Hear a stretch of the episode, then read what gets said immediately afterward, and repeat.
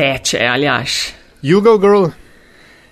Med in čaj z vami, podcast o medijih, dobrih in slabih praksah, novih tehnologijah in trendih prihodnosti. Gostje v medijih eh, skušava tako iskati, delajo, z njimi živijo in o njih razmišljajo. Gostitelja pa sva, moje ime je Nataša Briški, sem odgovorna, se spoh ne vem, kaj je to razlika, glavna, podglavna, skratka, urejam metino listo in aljašpen go bitenc. Glavni hišnik Kaj na Radio na- Chaos. A imate to, officially to Ne, funkcijo? to sem si izmislil enkrat, glih Pol znaš vse. podcast. tako Da, ampak ja, itek, da znam vse, halo. Znaš vse. Um, Aljaš, nova epizoda. Mm. Um, preden se zakopljeva vanjo, komentarji in predlogi, kot vedno, dobrodošli tudi na infoafnametinalista.si. Sicer naj oba dobite na Twitterju, mene pod DC43, Aljaža pod Afna Pengovski, uh, spremljava pa tudi ključnik Metin Čaj. Um, preden začneva, Aljaš, preširnove fige, ki jih je gospa Benedetti nama prejšnjič prinesla. Ja, A si probal kakšno? uh, ni, A sem ti jaz vse ti pojedla? vse pojedla, uh, je pa res, da tiš, česar jaz nisem takrat povedal. Ne? Vsakeč, ko kdo omen preširove fige, se jaz spomnim na zgodbo Blaža Ogorevca, ne, ki je pač imel neko tako um, anti, oziroma in- ikonoklastičen profil preširna enkrat v mladini in veš, se, mogoče tole ni glavni medij, da, da bi to razlagal, ampak skratka, preširnove fige in um, njegovi. Um, Izločki, ki naj bi tem, jaz vam skoraj, jaz vam skozi imam to, to, to um, Če jaz ne štekam, kaj hočeš je, no?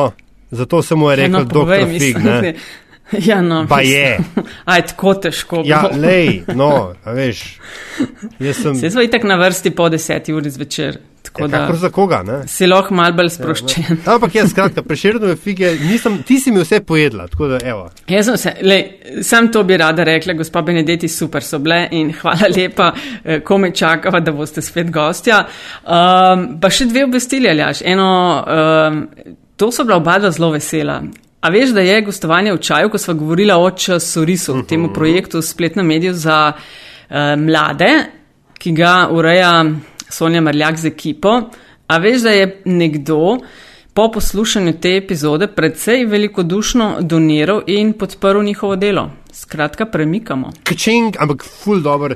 Uh, Ja, to je res lepa. Neskončno, neskončno dobro se mi zdi, da um, mava, ne, da pripomoreva k takšnim Ja. dogodkom. Ja, vse tako in tako, veš, če so res že s tem, kar delajo, je to, ampak če, res, če res uspeva kdaj koga premakniti v tej smeri, je pa to uh, zelo fajn in sva tudi sama da vesela za vse uh, donacije, investicije v metino listo, da lahko počnemo in snemamo vse tiste podcaste, ki so na strani, poleg metinga čaja še Evropska četrt, pa Metamorfoza in Meta podcast.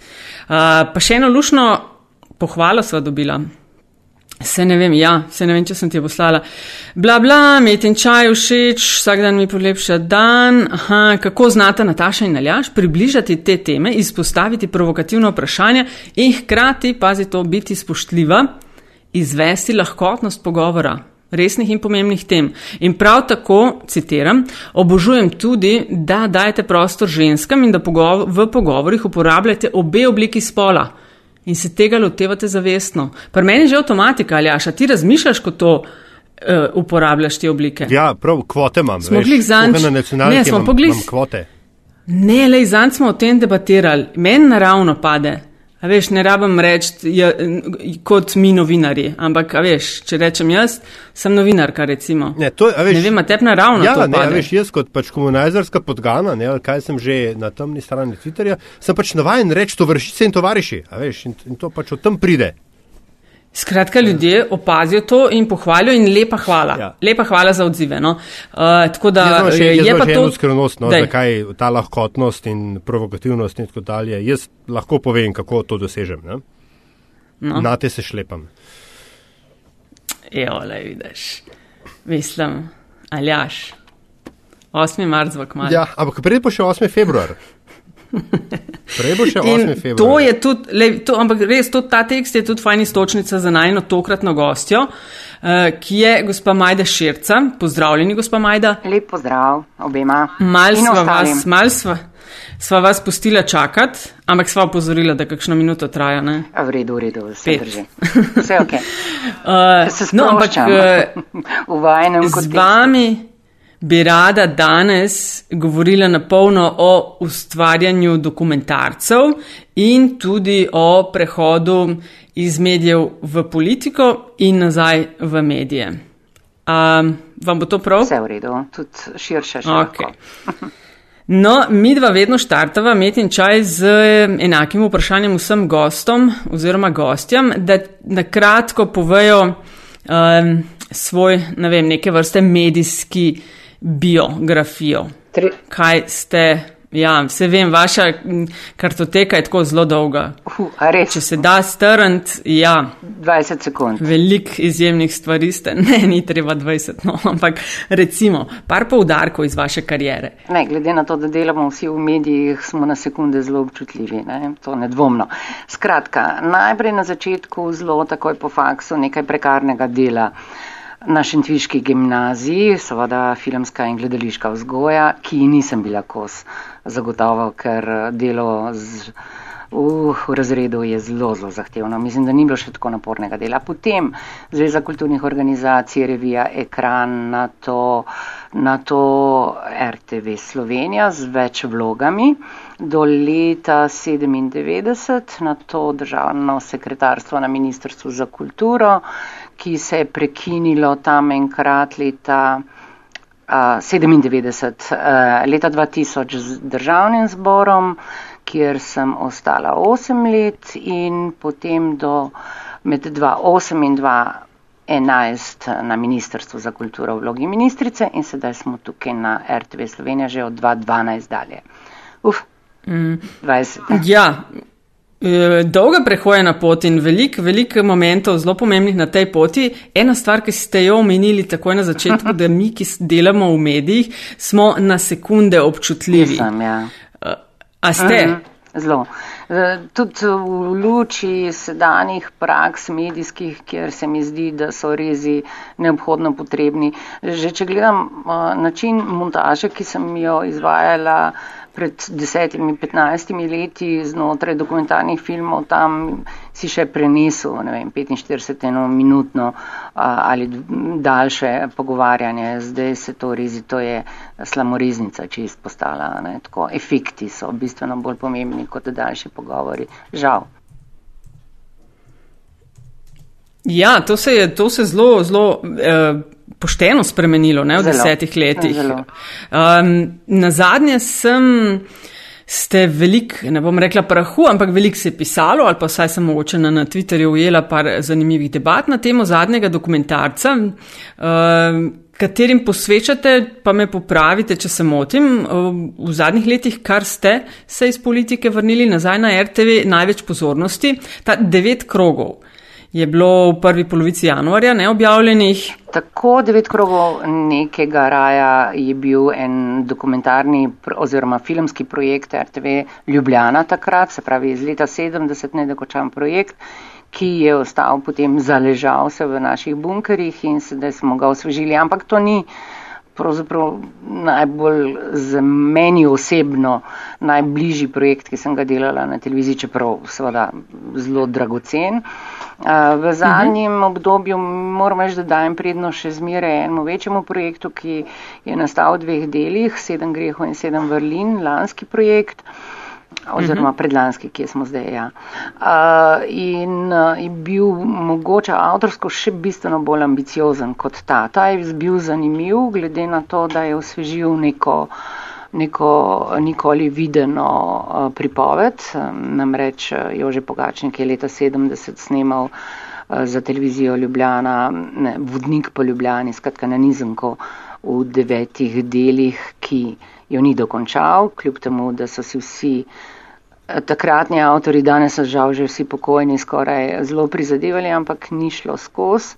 Tako da smo sedaj to digitalizirali in oživeli v slike in soočali te slike tudi z ljudmi, ki so takrat Eh, bili zraven in še, so še prisotni in so se sem z glavo držali, kaj so pred 50 leti delali. Ne, ne, delali, ne, ne, ne kakšen je bil proračun tudi? Ne? Eh, kar velik, ja, kar velik. Verjetno ampak, nezamisljiv za današnje čase, ali se motim? Bil je kar velik, ambiciozen, ampak prej kot ta proračun se mi zdi, da je bila možnost, da so ljudje lahko sploh tako široko in veliko ja. potezno razmišljali in da niso bili ujeti v neke da se jim ni rezal krila pri, pri, pri idejah, ker je dosti ekstravaganten scenarij. Namreč eh, ta Miha Baloh ali Dante, ki potuje po Ljubljani, potuje na dosti ekstravaganten način, beži pred ženo, mes pa milo rečeno. Milo rečeno. No, se z vidika um, ženskega pogleda ni prav nežna ta zgodba. Mislim, da so ta dekleta, ki, ki skačajo okrog njega, kar zabavna v interpretaciji. No. Mm. Uh, no, pa kje se pa človek uh, sploh loti? A, a začneva klele ali aš? Ali sem te kaj prekinil? Ne, ne, ne, zanimanjem poslušam. Mm. Ne, sem to sem želela. Evo, kako se človek, vi ste jih posneli že kar nekaj, kako se človek sploh loti delanja dokumentarca? Kje se to začne? Kako se tega bika prime za roge in vozi? Tako karkoli sem jaz delala v preteklosti, je moglo zbi, biti zmeraj preverjeno skozi eno lastno izkušnjo. Ne vem, kaj bi rekla. Dokler se nisem zjokala ob gledanju um, pazolinjevih filmov, dokler nisem šla pogledat tako rekoč mesta, kjer so ga umorili, kjer je snemal, kjer ni, uh, ne bi mogla. Dokler tega nisem naredila, nisem mogla snemati uh, dokumentarca. Ali kaj bi rekla. Dokler, nisem eh, doživela lokacije, eh, ki je nekaj pomenila ali pa jo prepoznala, ni, ni šlo. Mislim, morate vznemiriti nekaj, morate priti blizu, moraš uh, vedeti, da to hočeš videti uh, tudi uh, premaknjeno v filmsko sliko. Drugače ne gre, drugače ni emocija, ni erotike zraven. Skratka, moraš biti pripričan, da te tisto res zanima in da se vržeš z vso, um, vsem, kar imaš v, v zgodbo, z vso percepcijo, vso vednostjo, vso radovednostjo. Drugače res ne gre. Ampak to so stvari, ki hm. se ti usedejo, ne? ki hodiš po svetu, jih vidiš, te vznemirijo in rečeš, še mene vznemirijo, zagotovo bojo še koga drugega. Ne? ne vem, ne vem, delati kaj s tem. Dokumentarc o Franku je, govorim o španskem Franku, ne, ne bi mhm. bilo mi meni zanimivo, če ne bi obiskala njegove grobnice. Ne? Ali pa, kaj bi rekla, uh, delati uh, dokumentarc o poskusu uh, atentata na Mussolinija ne bi bilo zanimivo, vkolikor ne bi poznala vseh detajlov takratnih in lokacij in tako naprej in pripovedi v zadju. Skratka, kot se, se pravi, intriga. Ja, yes, se to, to velja za vse, ne, ne samo. Ampak vendarle, ne, dokument, če pač um, dokumentarc pojmujemo kot nek uh, render resničnosti, ne, skozi avtorične, avtorjeve učenje. Interpretacija, absolutno. Interpretacijo, ja, tako. Ja. A, ampak um, vendarle bi si mislil, da je um, research, se pravi, ja. raziskav, iskanje podatkov. To, koliko časa morate vi, pa vaša ekipa, delati, preden pade prva klapa? Uh, od, od primera do primera, ampak ne vem. Dam primer a, enega prvih dokumentarcev, ki je nastal, ko sem se potem vrnila 2012 na televizijo.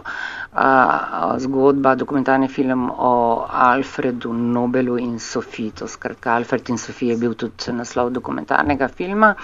Samo dodam, da je bil izjemen, ker sem se hotel tudi o tem dokumentarcu pogovarjati danes, ker je res super. Ja, Prosim, ta, ta, ta zgodba je bila z mano, kaj s tem, 15 let še več. Ne? Skratka, nekaj slišiš, nekaj zveš, potem začneš kopati. In po tej zgodbi sem kopala toliko časa, eh, ogromno let, ker sem pa se prigrebla do teh pism originalnih, ki so jih vmes, ko sem to je študirala, že odprli javnosti v Štokholmu.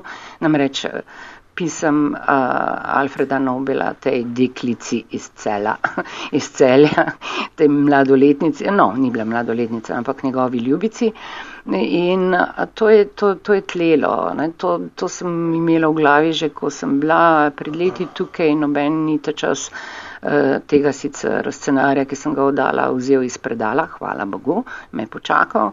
In, eh, in to je taka dolga, ne, dolgoprogna zadeva, ne, ki jo študiraš, seveda ne vsako tako, ampak to greš spat z njo in se zbudiš, pozabiš na njo ponovno in te kamenčke zlagaš. Ne. Pri recimo temu dokumentarcu, ko smo se zdaj pogovarjali o njemu, devet krogov, a, to je bilo pa garaško delo, ki je bilo bolj tehnične narave, tudi s tem, da se je oživilo filmske podobe, jih digitaliziralo, lovilo ton, detektiralo ljudi, iskalo, žicalo, ne vem, posod, kje so ti ljudje, ki, ki jih danes ne poznamo ali pa so nekje od nekam se skrili ali kakorkoli. No. Um, ampak research je glaven. Ko nimaš to v glavi, ne moreš iti snemati. Ko nimaš v glavi, kaj pričakuješ od tega, ne moreš iti snemati. Tako rekoč podobe imaš zmontirane, že preden greš. Seveda so uh, improvizacije na snemanju, ki so običajno zmeraj stresna. Uh, Mm, se zgodijo, ker te pač tudi ljudje pre, mm, presenetijo lahko, ampak več ali manj prej vse veš, tudi kaj ti bodo povedali. Ne? Tako da, da je ta groba montaža v glavi narejena, brez tega jaz ne znam drugače delati. So pa seveda popolnoma drugačni tudi pristopi, ne? ko se ti vse zgodi pred očmi in tudi take dokumentacije so genialni, ne? ker te bolj presenetijo. tehnike, ne? ker zdaj, ne vem, pred 15 leti, 20 leti delati to vrsten research je verjetno drugače kot danes, ko je veliko tega dostopno prek spleta ali pa tako drugače digitalizirano v raznih zbirkah, knjižnicah, muzejih. Um, ali zdaj sploh kaj lažje ali je obratno vsta um, Ja. Entropija informacije, ne, ki, ki obstaja, v bistvu otežu, da bi otežvala delo. Popolnoma se strinjam, da so informacije bolj dostopne, ampak hkrati pa je delo bistveno težje.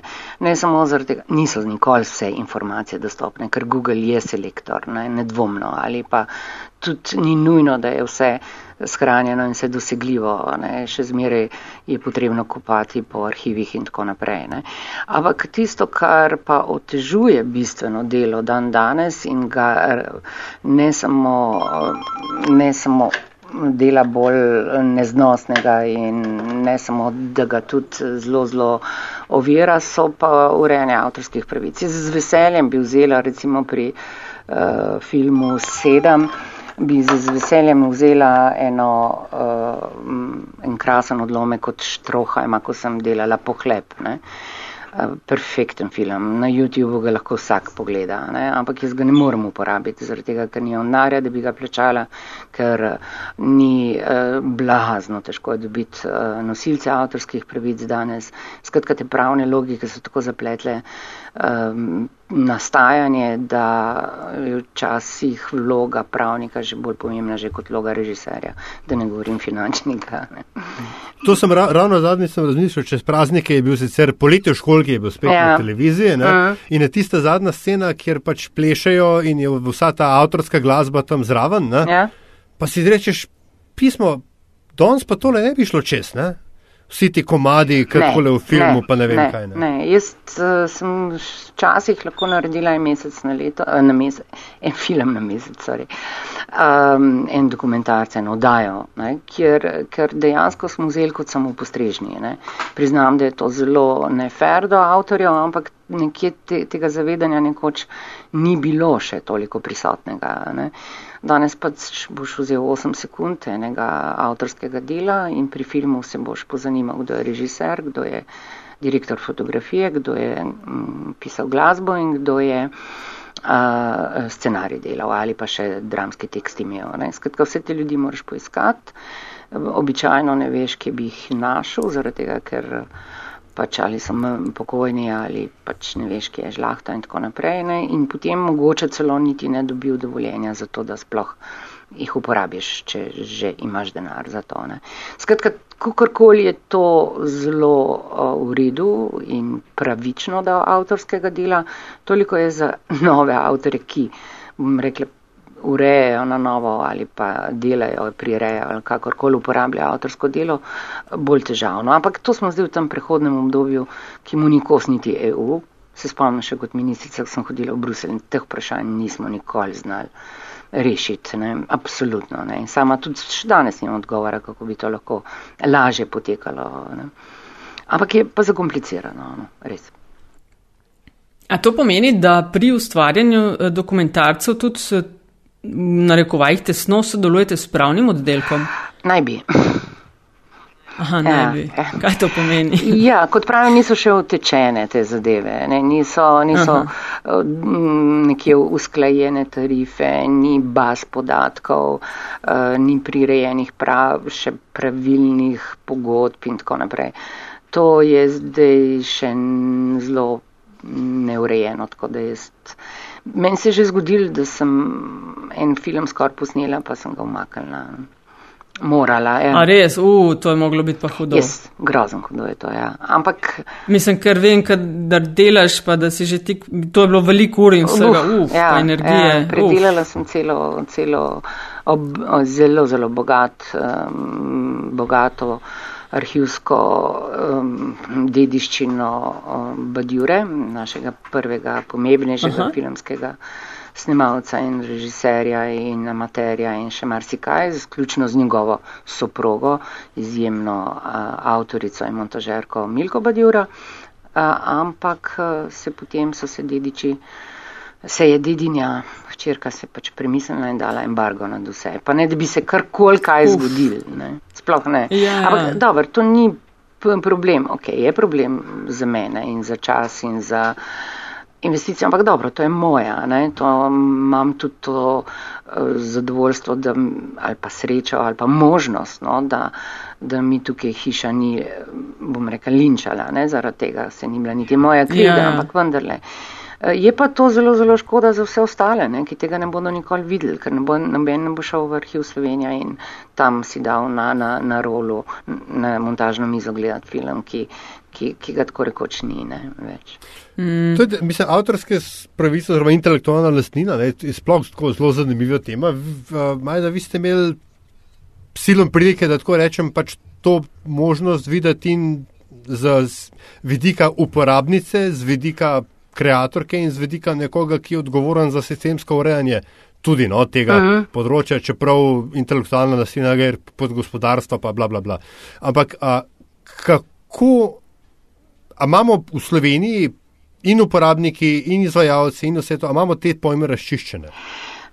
Ne, ta zavest zdaj, da je pač to potrebno urejati in dobiti dovoljenje ne, od avtorjev, je zmeraj bolj prisotna. Tudi avtori uh, oziroma dediče avtorjev se vse bolj zatekajo k pravnih, eh, pravnemu varstvu in se odvetniki in najdejo odvetnike, ki jih zastopajo. Ne. To je pot potem tudi laže, ker veš, pač, aha, ta zastopa tega in to, to je tako in tako, ne. Tolk je minuta, tolk je sekunda in tako naprej. Uh, Medtem, ko uh, za vse pa to ne gre, ne. tako da te, urejeno to še ni ne. in tudi jaz mislim, da ne bo tako hitro to urejeno.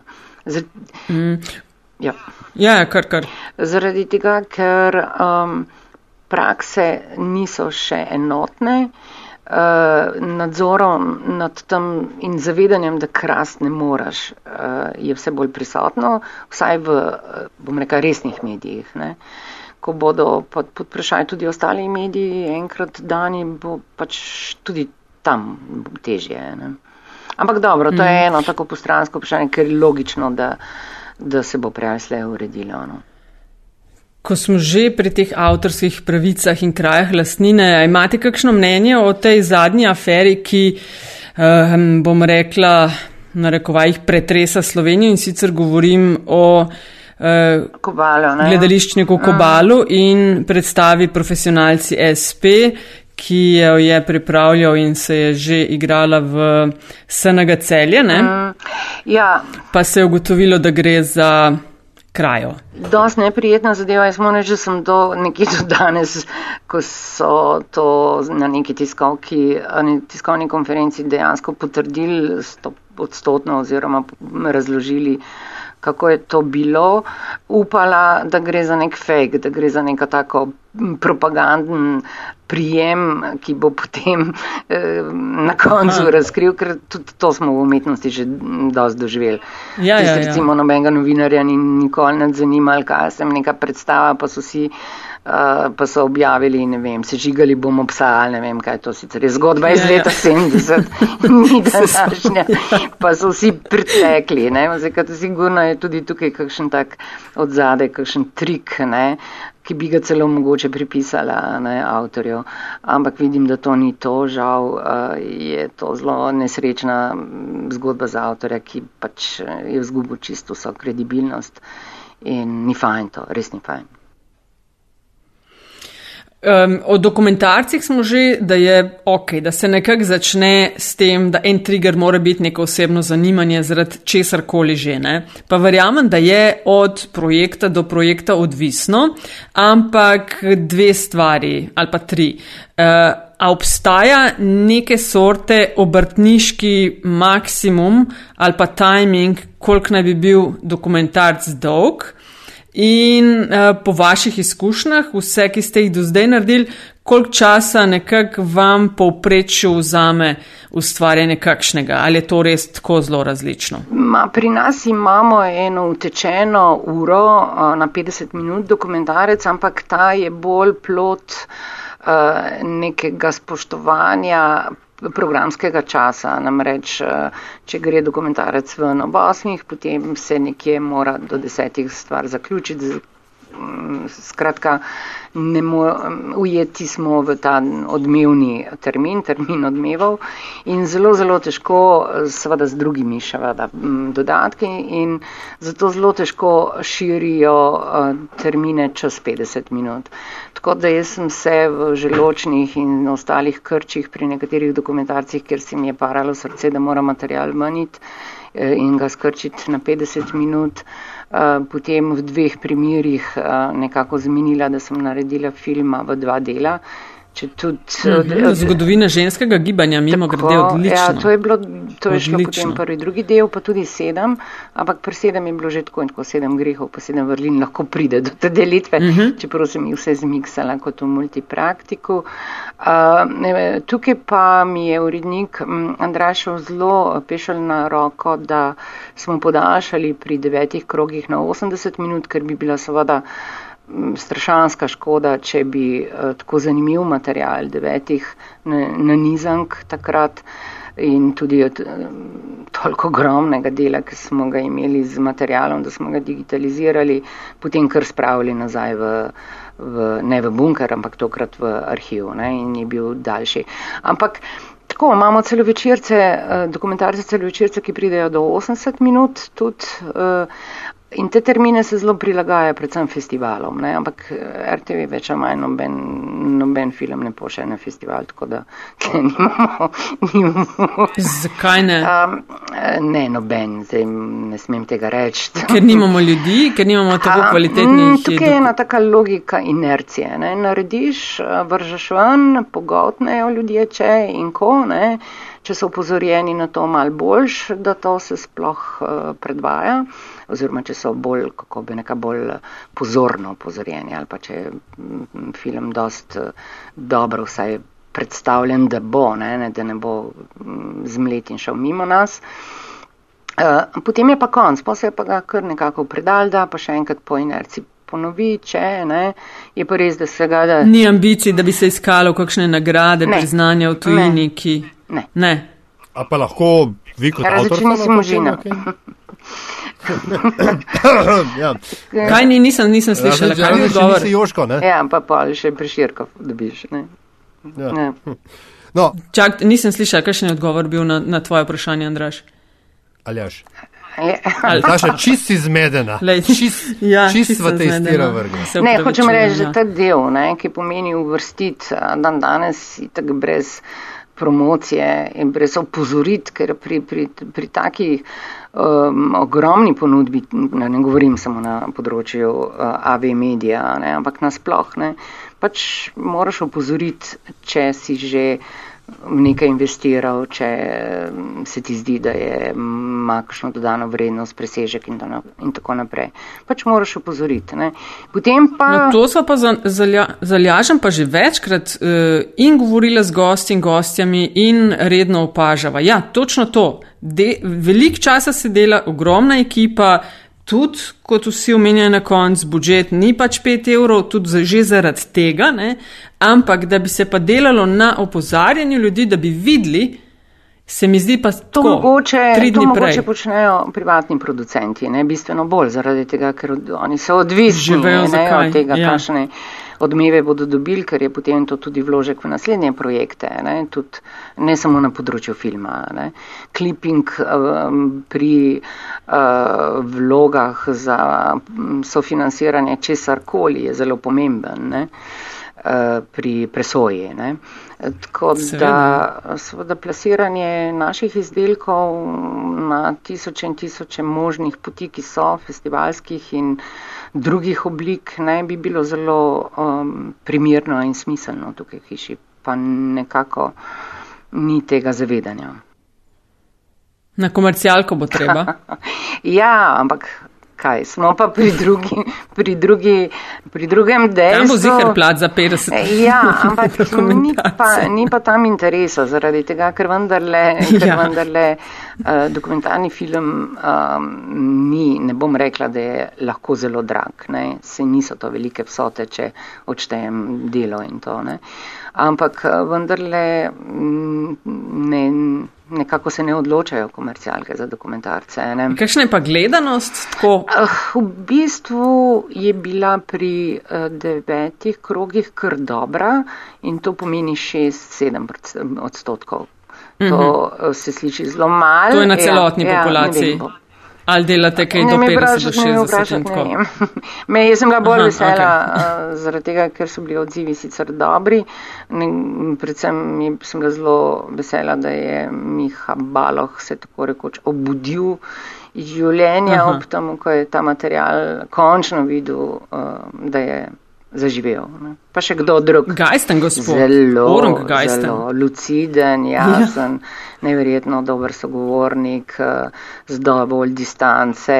Pa duhovit, pa to, duhovit, strašen. strašen. Mene pri tej zgodbi še vedno fascinira najbolj od vsega, ne? pa je, pa je res zelo tak um, dokumentarc, ki te v glavo udar, um, da, em, da sploh še obstaja bunker ne? in da v tem bunkerju še vedno so stvari. Zdaj, kako, če sem jaz prav, bom rekel, ja. se informiral o tej zgodbi, so pač to bili eni neoznačeni koluti, na katerih se je dobesedno izkazalo, da je zaklad. Ja, to se je vedel, da obstaja. Vsaj meni je bilo to prezentno še iz leta kaj 95, 96, nekaj takega, ko sem to šesto epizodo ven vrla. Takrat sem imela eno akcijo čiščenja. Um, takrat se je temu reklo bunker, danes pravzaprav niti ne tolk, ne, ampak ne vem, zaležane stvari, mogoče boljši izraz. In uh, tega je bilo ogromno in so bile kakšne dosti delikatne zadeve, ki niso šle ven. Ne vem, ali so bile kakšne odaje, ki so imele tematiko neprimerno. Z današnjega vidika je smešno to. Ne vem, spomnim se ene odaje na temo laž, laž kot laganje. Uh, mislim, da je delal Sandi Čolnik, pa not so nastopili Pirjevc, pa ne vem kdo še vsi. In to je bila ena lepa oddaja, ki je pa tudi o materah samo o hranilkah. In ne razumeš, no, dan danes, zakaj ni šla ven, ampak ni šla, ne. To je bilo dejansko v bunkerju, pa še nekaj takih zadev. Ene so bile zaradi tega, ker so bile tako slabe, ne, in to razumem, če so bili uredniki tako močni, da so rekli, bož, da ne gre ven, ne. Ampak tega je bilo mal, ne. Drugače je bilo pa in jaz sem takrat se to ven vrgla, ne, tako da, da danes oziroma lani sem šla gledat, kaj je še v teh knjigah, ki ima to znako X in priznam, da ni bilo nič več znemirljivega, tako da, da bi človek se še ali mm, mm, dokopal in kopal po tem materialu. Mm, mislim, da smo prej pozabili povedati, koliko časa vam torej vzame ustvarjanje enega v narekovajih povprečnega dokumentarca. A to lahko človek jih naredi, ne vem, dva na leto. Jaz nisem nobenega še, tako da nimam niti manjše predstave. Ja, če je ekipa, če ne delaš tako ego, kot mogoče delam jaz, ki si pač vse stvari sama moramo gledati in jih potem preverjati na sto načinov, potem je lahko to.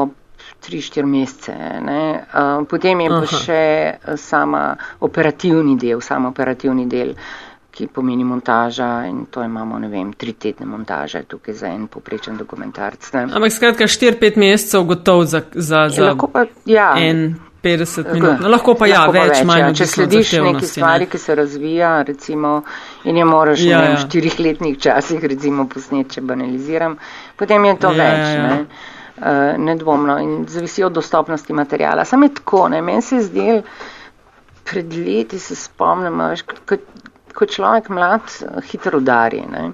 in se mu zdi, hit, je hitro zadovoljen uh, oziroma je fasciniran z nekim odkritjem in um, ga takoj da na plano in se tudi eh, dost vehementno do njega opredeli. Ko si potem mal bolj uh, dozorevaš, potem, ja. potem je pa tako, da vsako zadevo rabiš petkrat, desetkrat okrog obrniti.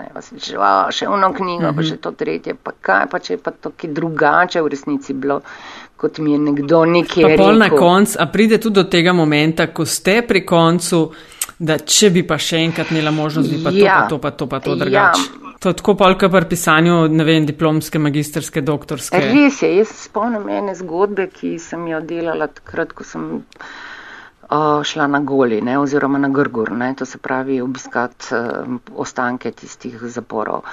In um, dobila so govornike, ki so, tak, ampak to je bilo leta 1993, dost nazaj, ne, to temu se še dost ni govorilo.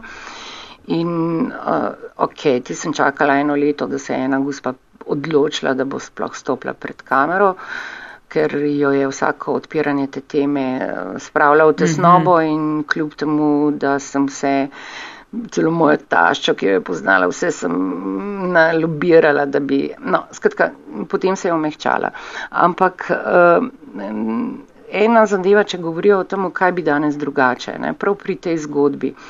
Vem, da je ta gospa izjavila, da je bil njen mož, ker sta bila oba zaprta, on je bil na eh, golem, ona je bila na grgorju, niste niti vedela eden za, drugom, za drugega, da sta tam zaprta, ampak kakorkoli, um, oba sta preživela s tem, da on je kmal potem umrl, ker je bil med bolj strogimi ujetniki. ujetniki. No, ampak ona je takrat izjavila, da je bil on najbrž mogoče ali celo zna biti zaprt tam tudi zaradi vide Tomšič, ker naj bi ga videl nekako, uh, ker je dal grdo povedano košarico ali nekaj takega. Uh, zdaj, to sem jaz spustila noter, to njeno izjavo. Ampak jaz se nisem šla preverjati, recimo, k vidi, ne, takrat. In vem, da ko je šel pol ta dokumentarec ven, oziroma te kar tri, tri serije so bile, ali štiri celo, o golem, uh, da je potem se vida, ki je takrat še živela, javila, ne, da to ne drži. Ne, in takrat mi je bilo blazno hudo. Ne. Se nisem jaz tega rekla, ne, se nisem jaz tega rekla. Ja, ona vem, rekla, vem, ampak sem. Ja. Gospa Ema Lugar, ona je rekla, ampak vendarle, ne, si rečeš, ups, ne, to pa ni v redu. Ne, tako da m, sem imela doskrat to nad pred očmi in moram reči, že sem potem vse živo vidi prebrala, uh, kasneje, kasneje, mnogo kasneje. Uh, in um, pač videla, da je bila neka izjemna ženska in da najbrž res tisto ni držala, da bo po vsej verjetnosti plot neke, mm, neke domišljije gospe, ki je pač živela pod takimi drugačnimi pritiski in se tako rekoč po tej izkušnji zaklenila doma v, v stanovanju. Ne. Mm -hmm, mm -hmm.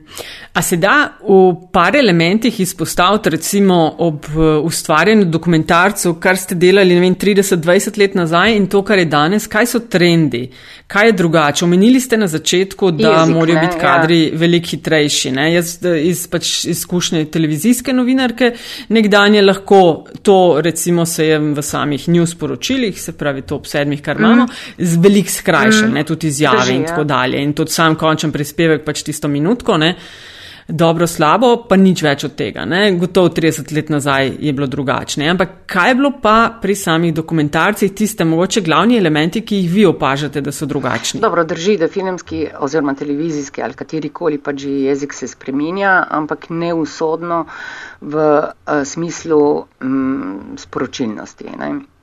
Če ti pač uh, pripoveduješ na, kako bi rekla, bolj. Uh, letargičen način, pač mogoče tvegaš, da boš koga zgubil pred ekranom, to nedvomno. Ne? Ampak eh, tudi potreba po večjih šokih ali pa izpovednih um, zgodbah, ki so močnejše, so danes bolj prisotne. Ampak teme in zgodbe so pa danes toliko obdelane, da kaj pa še šokira, kaj še preseneti. Ne? Uh, jaz ne vidim tako dost velikih razlik v jeziku kot v moči emocionalnih dotikov ne, gledalca in prej tukaj. Ne. -hmm. A da ni tudi v montaži nekakšnih ja, fint, ja. ker recimo mi padejo na pamet, ne vem, glasbeni videi 30 let nazaj, kakšni so bili ali pa kako to, so, to danes gleda. Ampak to so te modnosti, ne? to je bilo eno obdobje, ko je res je mogel biti skočiti zelo vidno, pa če se je slika. Um, obdelala z nekimi od kontrasti, odzemanji, um, kaj sendviči, kaj bi, bi vse to rekla takrat. Ampak to pol mine, ne? Tist, ne nikoli ne mine tist, kar je bistvo zadeve. Ne? To se pravi, kaj imaš ti zapovedati in na kakšen način. Uh, neki modnosti v pripovedi in v jeziku so zmeraj prisotne uh, in so tako kot v oblačilni modi tudi hitro minljive. Ne? Če nimaš kaj povedati, ne gre. Ne? Ja, z tega vidika, kar se vizualnih efektov tiče, 80 pa 90 kar za pozabiti. Ja, ampak je pa nekaj, kar je pač pomembno. Ne? Nekoč je pomenilo posnetek uh, narediti s kamero nek proces. Ne? To se pravi, nest kamero, imeti film noter, um, priprave, težave, mislim, zvok loviti in tako naprej. Danes to delamo s telefoni lahko. Ne. Skratka, ta proces je bistveno spremenil pristop do tem. Ne, ne vem, uh, ko ti lahko vsako mravljo posnameš in je lahko zanimiva na cesti, ne, ti postane že malo dokcet.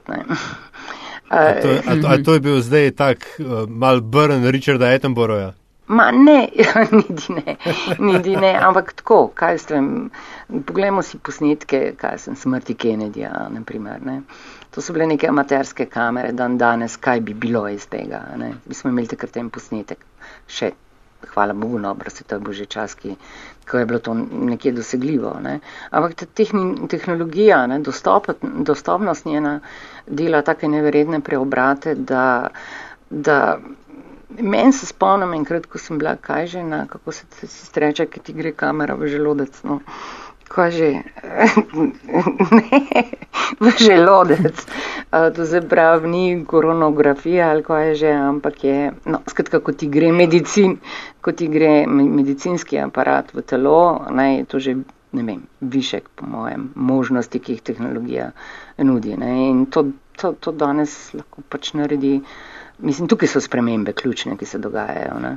Če se mogo, mogoče čisto sam um, z čisto se vašega osebnega vidika, ne, ko ste zapustili to um, dokumentaristično obrt uh, in če, če se prvo zbrnil leta 97 za jadro politiko in leta 2012 prišli nazaj, a sta bila to dva čisto različna svetova, obrtniško gledano? Sveda, oboje gre za umetnost, žal, jaz še zmeraj mislim, da je, ne žal, ne žal, oh, ne žal. Mislim, da je to absolutno s tem, da ste obe zelo, zelo zahtevni. Ne? Tukaj lahko pri, pri ustvarjanju lahko letiš, tam pač si na uzdah bistveno bolj, ne? ampak v tem smislu, da pač so orodja druga. Ne? Učinkuješ in učinkovit si lahko bolj kot, um, mislim, učinkovit pri doseganju določenih zadev si lahko celo bolj kot novinar, bolj novinar kot um, politik. Pri kratkih no, efektih. Ja, ni, v bistvu nisem hotel tega vprašati zdaj, ampak ker smo že, ker smo že glih tu. Um, ja, kar za koplje. Ja, uh, fama biti minister, ne? on je bil pa minister, ona je bila pa ministrica ne? v, da rečemo, bifeju na ulici. To nekaj pomeni. Ne? To, je, to je človek, ki ima moč, uh, ki ima odgovornost, za katerega, ne, katero se seveda po defaultu domneva, da ji ne bo uspelo, ne bo uspelo ker ne, tri mm. pikce, vse vemo, ne, vsi, vsi kradejo, vse tako dalje. Ampak obrt ministrovanja, ne, da zdaj tako zelo, zelo uh, zaboljivo rečem, je um, koliko je dejanskega efekta in koliko je pač frustriranja s sistemom samim. Ja, mm, so razmere je včasih res uh, efekt ena, pa frustracija ena proti deset, ja, lahko, lahko. Ne? Ampak dobro, pustimo to, to je del, del zgodbe to vrstne. Ne? Jaz mislim, da je to mislim, izjemno odgovorno delo. Jaz sem imela malo težav na začetku, zato ker vseh orodij še nisem obvladala. Ne? In tukaj recimo, ne vem, obvladati pravo je bilo za me naj, naj, najtežje, ker ga res nisem nikoli rabila obvladati. In se mi je zdelo, da če ga ne obvladam, lahko vsako krok prenese. Skratka, naučiti se moraš še enih drugih zadev, ne samo tistih, ki imajo to politični preznak, iskanje kompromisov in tako naprej. Ampak se to isto kot pri filmu. Moraš narediti research, če hočeš nekaj povedati in recimo temu spremeniti. A moraš imeti prava orodja za to, imeti pravo artikulacijo in vedeti, kateri je tvoj cilj. Dobro, ponovadi zelo, zelo možno je, vsaj pri meni se je to zgodilo, da na par projektih sem propadla ali smo propadli. Če govorim vem, o medijski zakonodaji, o arhivski zakonodaji in tako še, še kakšni drugi, na drugih pa ne. ne ampak vse te stvari se hranijo, mogoče so z leti se bodo še, bodo komu drugemu uspele. Če bo kdo vzel iz predala. Kaj pa je bil glavni, kaj pa je bil glavni izziv ali pa očitki ali pa s kakšnimi besedami so vas pospremili, ko ste odšli kot novinarka v politiko in kaj potem ko ste šli nazaj na RTV? Takrat, ko sem šla, me niti niti dost brigalo in tudi ne vem, koliko jih je bilo ali pa se sploh nisem ozirala na to. Jaz sem takrat se borila z eno svojo notranjo lastno težavo in sicer povabilo, Školčevo je prišlo v času, ko, nisem, eh, ko sem se spopadala z vprašanjem, ali, ali imam še dovolj zgodb ki bo, bi koga zanimale in da bi jih gledal.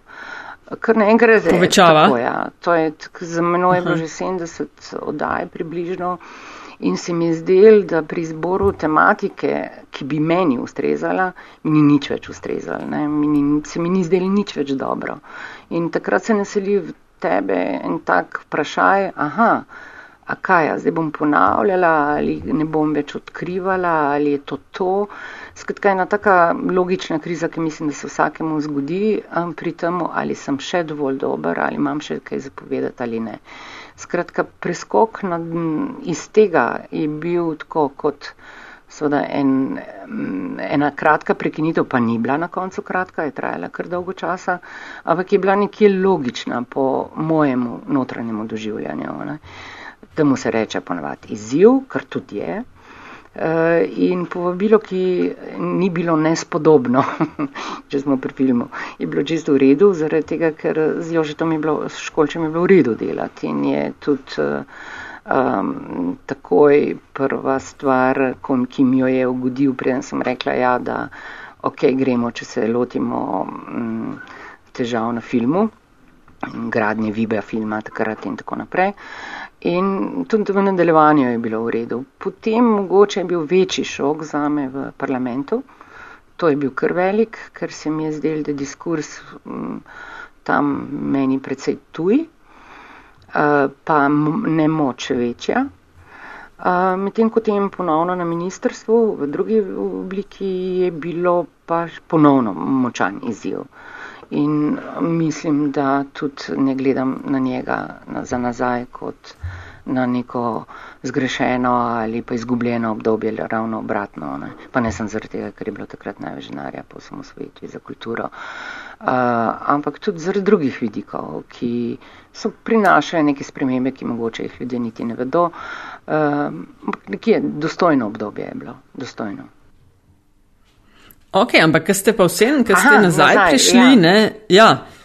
Je pa vsem pa tako, ministrica, pa so vas poročali, pa ste pa med kolege te prišli. Ne? Ja, verjamem, način, so... verjamem, da tudi mislim ali pa vem, kakorkoli, da te poteze niso, te potezi niso ploskali ljudje. Uh, tudi v hiši, najbrž tudi zaradi medijske in RTV-evske zakonodaje, še več zaradi ene uvedbe, ki televiziji ni bila povšeči in sicer V mojem mandatu smo um, se dogovorili oziroma uzakonili mož, ne možnost, obveznost RTV Slovenija, da participira na dokumentarnem in igranem programu znotraj svojih uh, prispevkov.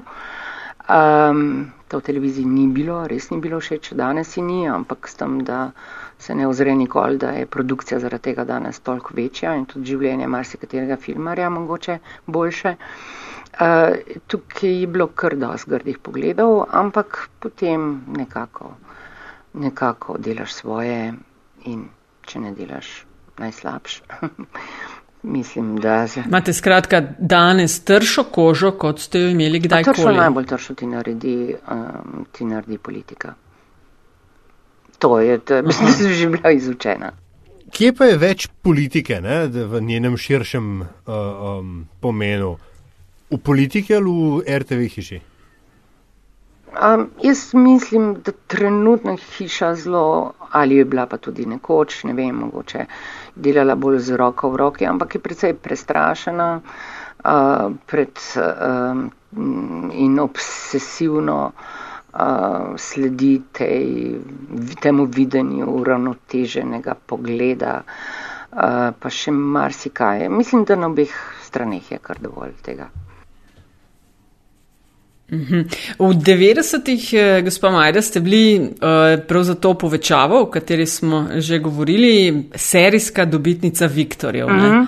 Uh, to so bila 90, tako je tudi ta nagrada mogoče imela mal drugačen pomen kot danes. Se ne vem, ali so še Viktorji. Ali so še, ja, so, so, so. Ja. so še. Ampak ni pa enak status, to pa ne. ne.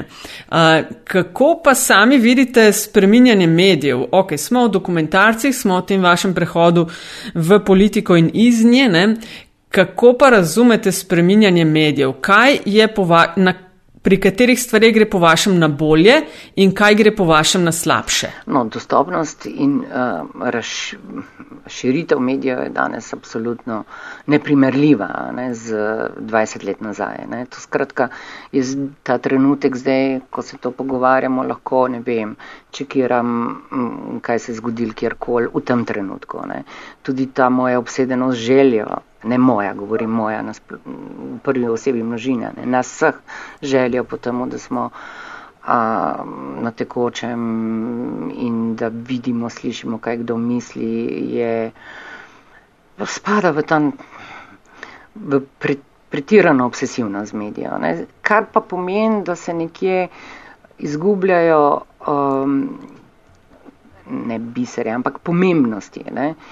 Um, um, hitro, zelo hitro to prečekiramo. Potem smo začeli brati samo še polkrepk tisk ali pa če že tisk beremo, samo tisk, kar je v polkrepkem, ne pa v naprej, ne prenesemo več dolgih tekstov, njim ne soočamo se več z, sem, z dolgimi ali pa analitičnimi kritikami. Glede, en, eno literarno delo ali pa eno gledališko delo je nek period obdelal na, v eni knjigi, ne, kritiko, kaj pa še danes je to kaj, ena tipka na stran že kar ok. Ne.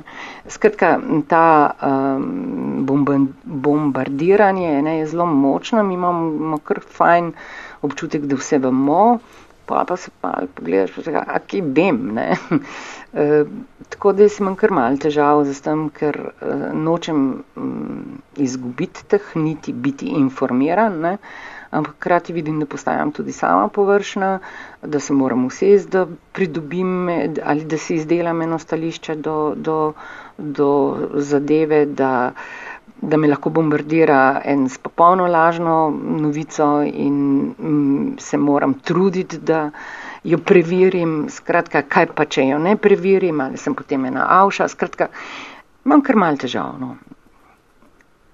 Mm -hmm. Ampak hkrati, Ja, hkrati, sam toliko, hkrati Ja. pa ta dostopnost do vedenja bistveno, bistveno večja, ne, normalno. Sam po drugi strani, aha, a mi meni Google res da vse, kar jaz tiščem, ne? a mi on selekcionira nekaj, kar misli, da jaz moram vedeti, pa mi za- zamiži ali ne pove vsega, kar bi rada vedela. ne. Ja, kje pa vi dobivate informacije, recimo, katerim virom zaupate? Kam greste vsak dan, ok, poleg teh običajnih, ki verjetno so ja. te neki največji slovenski mediji, ne? ampak eh, katerim medijem vi zaupate? Dobro, zdaj, če govorimo o tem mm, informativni, informativne vsebine, jih dobiš povsod, ne, tako kot jaz, kot vi. Ne. Zdaj pa, če se specifično spustim na eno področje, potem je googlanje premalo, ne. potem pač bom šla v nuk, bom šla ne vem kam. Ne. Um, ali to, to se mi zdi, da to delamo vsi isto. Ne. Uh, Specifiko pač iščemo tam, kjer, kjer ni na prvih vrstah. Ne. Prej smo se pogovarjali uh, o stvarih, ki bi jih, če zdaj zelo grdo povzamem, š- kar se dokumentarca tiče, še enkrat naredili, ali pa jih ne bi, ne bi še enkrat naredili, ne bi dvakrat premislili. Um, če bi vam danes kdo ponudil vstop v politiko, še enkrat, bi še enkrat to naredili? Uh, kaj pa vem, jaz mislim, da je bila ta izkušnja uh, dovolj uh, tudi dobra, govorim osebno. Uh, mislim, da sem predstavljal en drug svet, v katerem um, imam dost več distance do, do zadev. Ta kontekst današnjega utripa mi ne ustreza političnega, tako da se ne bi najdla čist uh, v redu v njej. A v njem mm, ne bi rekla, ne bi. Ne bi sprejela. No, ko ste pa šli, m, da mogoče počasi postavimo piko, ko ste šli iz novinarstva v politiko, ste omenili, da ste v sebi nekako bili boj, kaj še je izziv, ko ste toliko stvari eh, različnih naredili, pa ste mogoče izziv kasneje videli v politiki. Ne? Kaj pa tukaj, kjer ste zdaj spet pri tem ustvarjanju, kaj vam še predstavlja izziv, kaj, si, kaj si še želite narediti, kaj želite še delati, Malo. kaj vam pospeši srčni utrip. Jaz imam toliko zgodb, ki jih nisem naredila, da je kar hudo, ne? ampak nekaj, od nek, nekaterih moram reči, se moram kar posloviti, zaradi tega, ker mi preprosto niso uspele in niso bile dane. Ne vem, sem bila obsedena z Jovanko, nikoli nisem mogla, če tudi, Aha. če tudi eh, sem vdi, eh, hodila k njej in tako naprej, ali pa uf, še marsičem drugim, ne samo, ampak dobro, ona je tak primer. Uh, jaz mislim, da se zmeraj najdejo, ne, najdejo stvari, ki tlijo in za katere niti ne veš. Ne? Uh, če si odprt, če hodiš po svetu, pa vidiš, da ljudje ne mirujejo, da izumljajo, se ne daš v svoj kalup. Uf, ne vem. Ta teden sem jih si ogledala nekaj par razstav na Dunaju in en, ena taka brca zmeraj v nov svet, ali pa en film, kaj pa vem. Včeraj sem gledala bojevnico. Si češ vmes. Ah, a priporočate? Ja, ja, ja, ja, absolutno. Pa poleg tega sem imela, bila- bil je na projekciji še režiser uh, in to morate. Ne priporočam samo bojevnice, ampak tudi Islandijo kot destinacijo za pot. Mm -hmm. Ni liha In Antarktika za- ali Arktika ali kaj že. Ja, ampak je pa blizu, je blizu. Je pa že zmeraj Ja, ja, je blizu, zelo fajn. Popolnoma drugi svet. Ne? Ja, ja. No, ko že priporočamo, za koga pa boste navijali na podelitvi Oskarjev 25. februarja? Zdaj bom zardela. k- A imate kakšnega zardela, ker nimam niti nabora. Sorry, sorry, preskočimo to, preskočimo Ok, to. nič hudega, Ne. nič hudega, Ja. sam zdaj rekla sem to. Ne, ne, okej. je hitro, ker pon, pon, v bistvu ponavljam uh, vprašanje, uh, ki je bilo dano prav režiserju eh, filma Bojevnic, eh, Bojevnica, kaj pa Oskari, pa to pa je, ga je hiter dal tudi on v smeti. No, ampak dobro, ni to, ni to pomeni, okay. Ne, to pomeni nič. Ne. Je pa res, je pa Ja, ja, res, ja, ja. Ne, da sem bila čist frapirana, ne, ker Bojevnica je res lep film o, o ženskem, a ženski moči, popolnoma ne, potenci, ko, ko pač se nekaj ti ne zdi v redu in uporabiš pač orodje, da to poveš, da ni v redu in seveda ta bojevnica dela norije, zato bi pripričala gradnje neke ne magne, ampak kaj že aluminij, tovarne aluminija ali nekaj takega na Islandiji, ko vemo, da je krasen, krasna zemlja. Uh, in uh, je sedaj se Judy Foster zaželela remake, skratka zdaj bo ona delala v Ameriki uh, in tudi ona igrala in ona režirala in producirala film, ki je popolnoma evropski tako da je hecen to, me prav zanima, kaj bo. Jaz to nikoli ne vem, to mi boste mogoče vi znali povedati. Jaz nikoli ne vem, kako je lahko eni nisi človek, režiser in igralec oziroma igralka hkrati. Uh, kaj to, to si pred kamerom, ampak kdo takrat režira, če si ja, ti režiser? Timi, kako to pol teče? Kot tukaj, ki smo trije na, na setu. Ne, ne, uh, to so timi, to so, to so cela, cela industrija, ne, se pravi, da je pomočnik, uh, eden, ki samo švenka, eden, ki samo ostri, drugi, ki samo lovi, tretji, ki pripravi sceno. To so timi, ki, ko je koncept jasen, potem se mu podredijo popolnoma na tehnični način. Ne.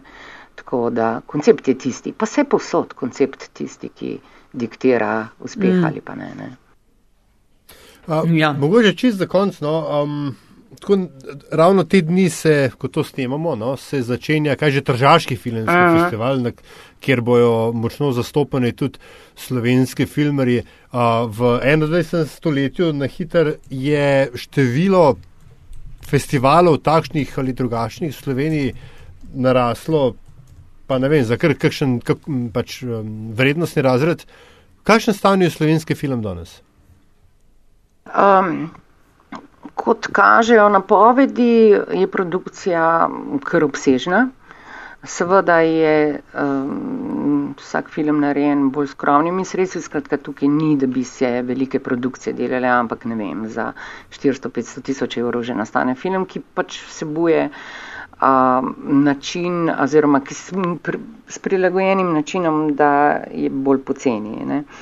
Ampak, kar se pa tiče festivalov, teh se mi ne zdi toliko v Sloveniji, mogoče jih je po svetu na tisoče, v Sloveniji je enih par. E, tako da ta potrditev same produkcije v Sloveniji niti ni tako, tako očitna. Ne. Ljudje delajo leto, dve, tri film, pa kakšni še več. Ne pol pa ne vem, je za en teden v kino, ne, ker je, ker je mal, ne. Ker nikoli ne bo, premalo občinstva za to, da bi, da bi se film zavrtel tudi finančno, ne, ne glede na to, če je še tako uspešen. V Sloveniji. Ne. Ni, produkcija ni slaba, zaradi tega, ker se vedno obnavljajo generacije in vsaka, vsaj s prvenci, prenese velik preboj, ponavadi, ne pa nujno. Večinokrat je pa ogromno potencijalov z premalo možnosti. To je zelo podobno kot v arhitekturi, ker to vendarle ni platno, ki ga vzameš v roke in ga lahko delaš ali v slikaš, barvaš v kleti ali zunaj na planu. Ne. Je vendarle to mehanizem, ki je zahteven in še zmeraj drag.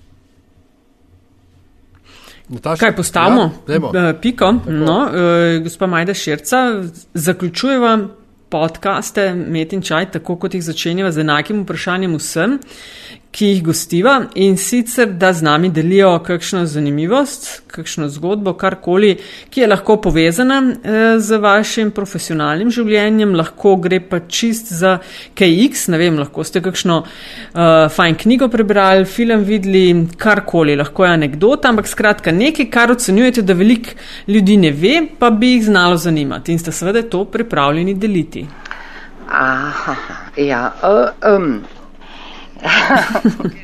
Ker je toliko Ker tega. Je tolk tega ja. Tega je res, ampak bom šla v eno pedagoško varianto, ki pač eh, jo lahko, ker eh, nisem, nimam več, uh, nisem v mladih letih, vendar le povem. In nekje potrjuje to, kako se stvari spreminjajo. Jaz sem v osnovi hotela študirati likovno umetnost.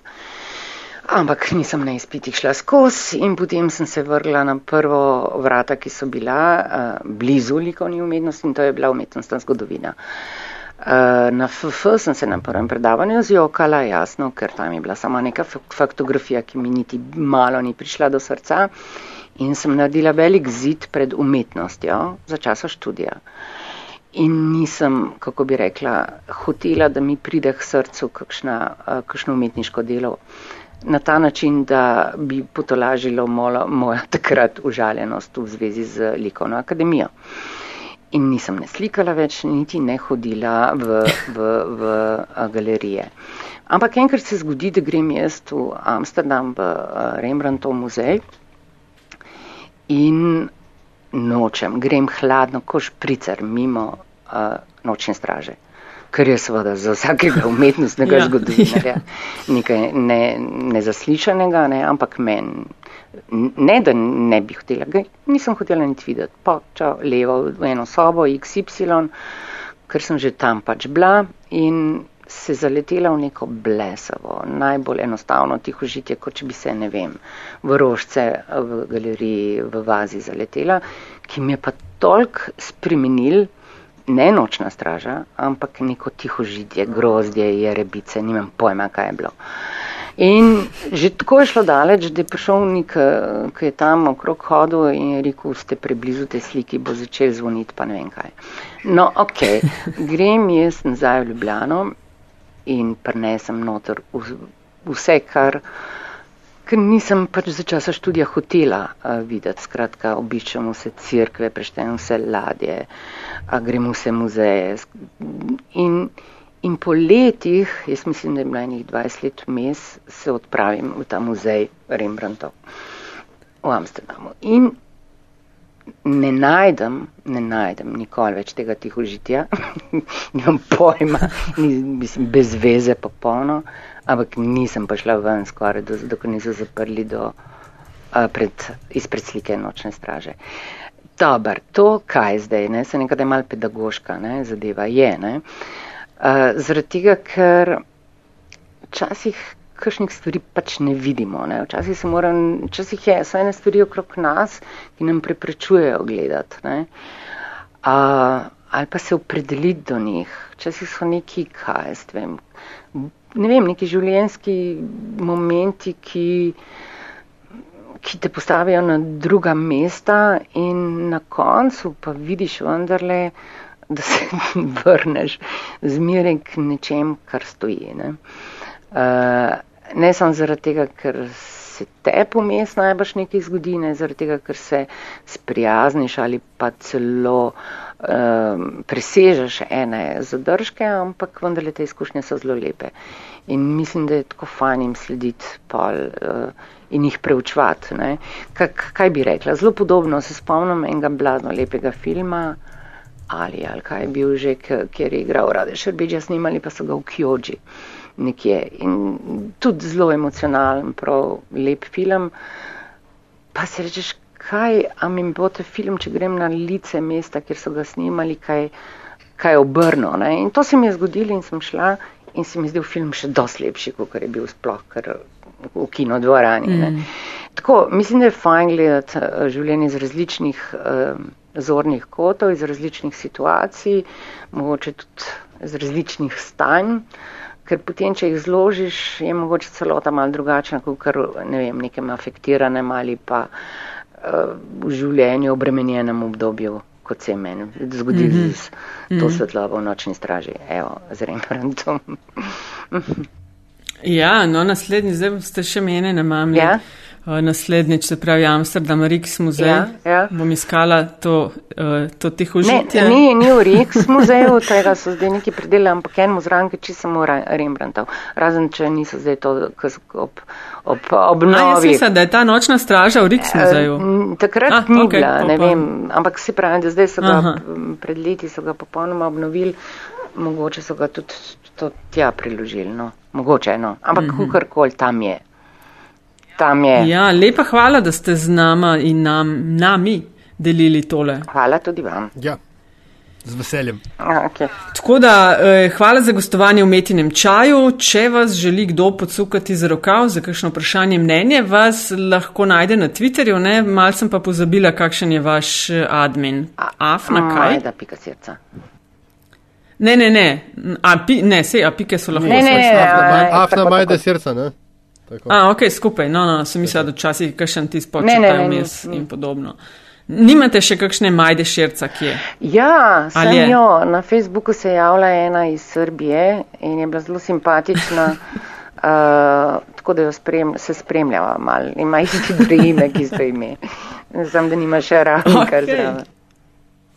No, hvala lepa še enkrat in vse dobro. Okay, enako. Pa čestitke za vse dokumentarce in vse, kar delate v tej smeri. Hvala lepa.